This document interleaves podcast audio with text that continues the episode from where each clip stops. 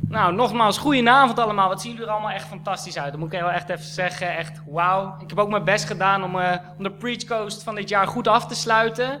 En uh, ja, ik ga een kerstverhaaltje vertellen. En uh, ik heb niet zo heel veel met dat kerstverhaal. Ook al, ik moet het eigenlijk anders zeggen.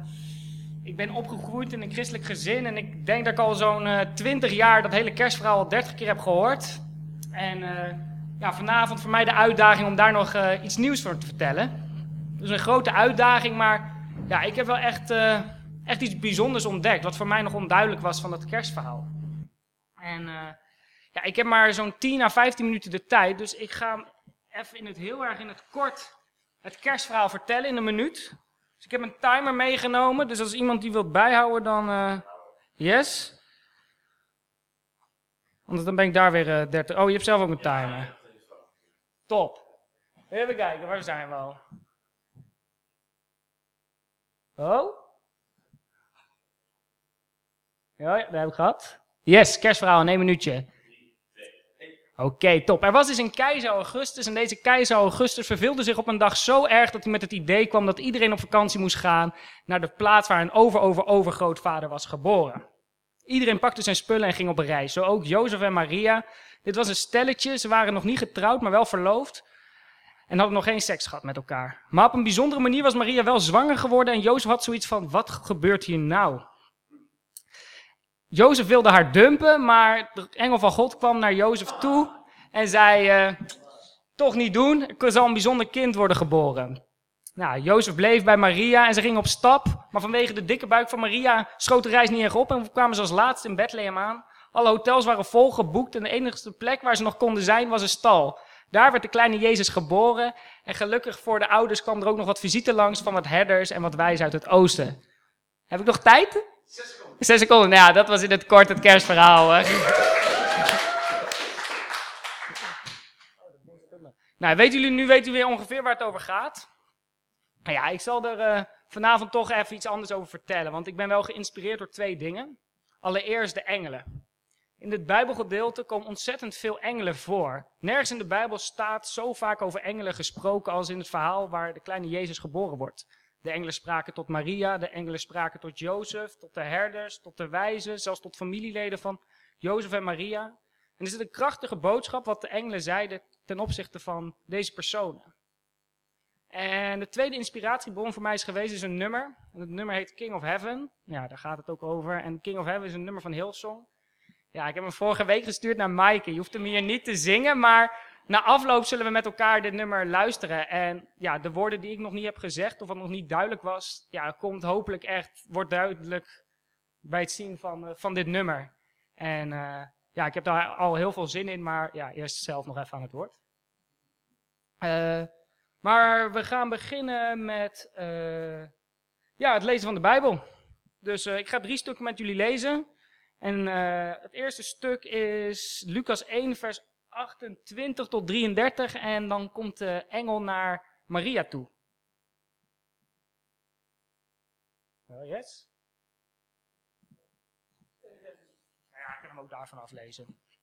Gabriel ging naar haar huis binnen en zei: Gegroet Maria, je bent begenadigd, de Heer is met je. Ze schrok hevig bij het horen van zijn woorden en vroeg zich af wat die begroeting te betekenen had. Maar de engel zei tegen haar: Wees niet bang, Maria. God heeft je zijn gunst geschonken. Luister, je zult zwanger worden en een zoon baren. En je moet hem Jezus noemen. Hij zal een groot man worden en zoon van de Allerhoogste worden genoemd. En God de Heer zal hem de troon van zijn vader David geven. Tot in eeuwigheid zal hij koning zijn over het volk van Jacob. En aan zijn koningschap zal geen einde komen.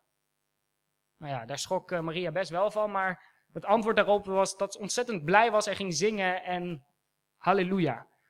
En het tweede stuk wat we willen lezen is uh, in Matthäus. Moet ik hem nog ergens naartoe? Oh, shit. ja, ik heb hem, Matthäus. En dit is op het moment dat Jozef zoiets heeft van, oké, Maria is zwanger, ik ben er niet verantwoordelijk voor, dumpen die meid. Maar de engel van God kwam tot, uh, tot Jozef. En ja, dan gaan de dingen toch anders als God in je leven komt. Zo ook nu. En de engel zei, Jozef, zoon van David, wees niet bang je vrouw Maria bij te nemen. Want het kind dat ze draagt is verwekt door de Heilige Geest. Viel, gelukkig, geen andere kerel. Ze zal een zoon baren, geef hem de naam Jezus, want hij zal zijn volk bevrijden van hun zonde. Dit alles is gebeurd, opdat in vervulling zou gaan wat bij de monden van de profeet, profeet Jezaja, door de Heer is gezegd. De maagd zal zwanger zijn en een zoon baren. En men zal hem de naam Immanuel geven, wat in onze taal betekent God met ons. En ja, Jozef bleef bij Maria en uh, ja, het een hele leven bleef hij trouwens bij Maria. En uh, ja, het is best bijzonder dat de engel dit, uh, dit zomaar eventjes op een avond zei tegen, tegen Jozef. En het laatste wat we willen lezen is Lucas 2, vers 9 tot 14. Dan hou ik ermee op met bijbelversen. Um, en hier komt de engel naar, uh, naar de herders toe. Uh, opeens stond er een engel van de Heer bij hen en werden ze omgeven door het stralende licht van de Heer, zodat ze hevig schrokken. De engel zei tegen hen, wees niet bang, want ik kom jullie goed nieuws brengen, dat het hele volk met grote vreugde zal vervullen. Vandaag is in de stad van David jullie redder geboren. Hij is de Messias, de Heer. Dit zal voor jullie een teken zijn. Jullie zullen een pasgeboren kind vinden dat in een doek gewikkeld in een voederbak ligt. En plotseling voegde zich bij de engel een groot hemels leger, dat God prees met de woorden, eer aan God in de hoogste hemel en vrede op aarde voor alle mensen die hij lief heeft. Wauw, wat had ik daar graag bij willen zijn. Volgens mij de beste worship die ooit gemaakt is. Onze preachcoach band is goed, maar volgens mij is dat nog van een zo hoog niveau. Maar ja, helaas, we leven 2013 jaar later. Maar ja, wat moeten we dan met deze, met, met deze woorden? Nou, ik geloof, nou ja, ik weet het wat wel zeker, dat in deze woorden zoveel kracht zit. Als we al beginnen met het eerste wat de engelen zeggen, zegt tegen Maria, dat is het volgende. Gegroet Maria, je bent begenadigd, de Heer is met je. Wow, dacht Maria, hier schrok ze van, want ze had geen idee wat dit te betekenen had. Ja, en daar had ze een punt. Maria was Joods en ja, ze is dus opgevoed met de Torah, dat is de, de Joodse Bijbel. Dat zijn de eerste vijf Bijbelboeken van het Oude Testament. En nergens staat zo dat God zo spreekt tegen de mens. Niet tegen Adam, niet tegen Abraham, niet tegen Jacob, niet tegen Jozef, niet tegen Mozes. God zei bijzondere woorden tegen, tegen deze personen. Maar niet, ik ben met je, ik zie het met je zitten. God zei tegen Abraham, ik zal je zegenen. Tegen Mozes zei hij, ik zal er voor je zijn. Maar nergens staat daar, ik ben met je. Je bent begenadigd. Een best wel lastig woord, ik zal zo uitleggen wat het betekent. En als ook het, ik heb het opgezocht, als, ik als we het hele Oude Testament erbij pakken, staat maar één keer dat God, ook door middel van een engel, zegt tegen, tegen Gideon, ik ben met je, dappere, dappere krijgsheld. En voor de rest staat nergens in de hele Bijbel dat, dat God op dat moment zo spreekt tot zijn kinderen. En dan voegt God er ook op dit moment nog iets bij. Je bent begenadigd. En wat betekent dat woord begenadigd nou eigenlijk? Begenadigd betekent, ik heb jou uitgekozen, en je bent geliefd boven de ander. Wow, dat kreeg Marie eventjes uh, even voor zich. De Heer is met me, hij heeft me lief boven de ander en heeft me uitgekozen. Maar ja, is Maria dan een enkeling die, die dit te horen krijgt? Nee, als we verder lezen, wat, ja, wat, wat, wat de engel van de Heer ook tegen Jozef zei. Dat God, kleine Jezus die geboren zou worden, die zal de naam Immanuel krijgen. Dat betekent God is met ons. De Heer is met ons. Hij is met jou, hij is met mij. En vanaf dat moment ja, is er een nieuw hoofdstuk begonnen in de Bijbel. Dat God naar de wereld kwam om te zeggen, ik ben met je. Dat is het allereerste wat, wat de bedoeling was van God met de geboorte van Jezus. Ik accepteer zoals je bent. Dit is een nieuw hoofdstuk in de Bijbel, maar ook in de tijd. Sindsdien mogen we geloven en mogen we weten dat de Heer met ons is. Dat Hij ons ziet zitten, ook als we een mindere dag hebben. Maar ja, weet je, dit is het begin van, van, van de Bijbel, maar hoe zit het dan met het hele leven van Jezus?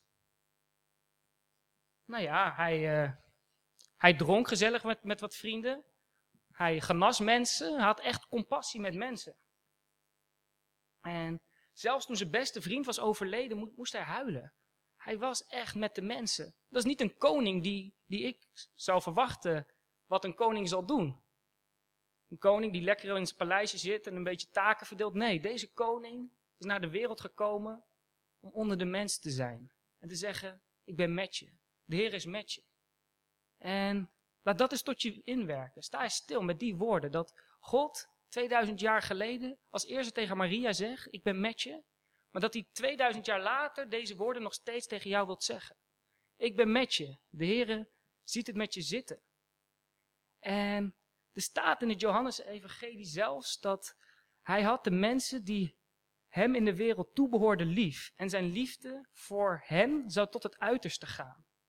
Dit waren de laatste woorden die Jezus... Oh shit. oh ja, de Heer is met je. Dat, uh, dat is dus het punt, weet je. De Heer is met je en zijn liefde gaat gewoon tot het uiterste. En het allermooiste van dit alles is, is het laatste wat Jezus zegt in, op deze wereld. En dat staat in het uh, Matthäus evangelie. Het laatste zinnetje wat daar staat is het volgende. En hou dit voor ogen. Ik ben met jullie alle dagen tot aan de voltooiing van deze wereld. Dit is de reden waarom Jezus naar deze wereld kwam. Te zeggen, ik ben met jullie alle dagen. Dus niet alleen de dagen dat je dichtbij me bent en mijn prijs en helemaal blij bent, halleluja. Maar ook de dagen dat je gewoon in de put zit. Als je het zelf niet ziet zitten, dan alsnog is de Heer bij je. En dat, dat is zoiets krachtigs. Dat is zoiets krachtigs wat met kerst is gebeurd. Dat er gewoon iemand is die tegen jou zegt, ik ben met je. En ja, als, als, als je dat echt tot je laat indringen, dat wat je ook doet, wat je ook verkeerd hebt gedaan, als 2013 een geweldig jaar voor je is geweest, of als 2013 echt een rampjaar voor je geweest is, de Heer ziet het met je zitten. Hij is niet meer boos. Hij is niet de God die je misschien kent vanuit een kerk, die alleen maar zegt van doe dit wel, doe dit niet. Dan is God pas blij met je. Nee. De Heer wil door kerst zeggen dat hij blij met je is. En dit is dus niet afhankelijk van jou, van jouw inspanning, wat jij goed doet of wat jij niet goed doet. De Heer is, is gewoon blij met je. God is voor ons, wat we net ook zagen, zongen. Wauw. Maar ja, wat is hier dan je reactie op? Als je dit hoort. En ja, hetgene wat ik tegen jou wil zeggen, is hetzelfde wat de engelen zeiden tot zowel Jozef als Maria, als tegen de, e- tegen de herders, is wees niet bang. Wees niet bang als dit misschien de eerste keer is dat je hoort dat, dat er iemand, nou ja, dit keer dus een God, zegt, ik ben met je. Ik zie het met je zitten.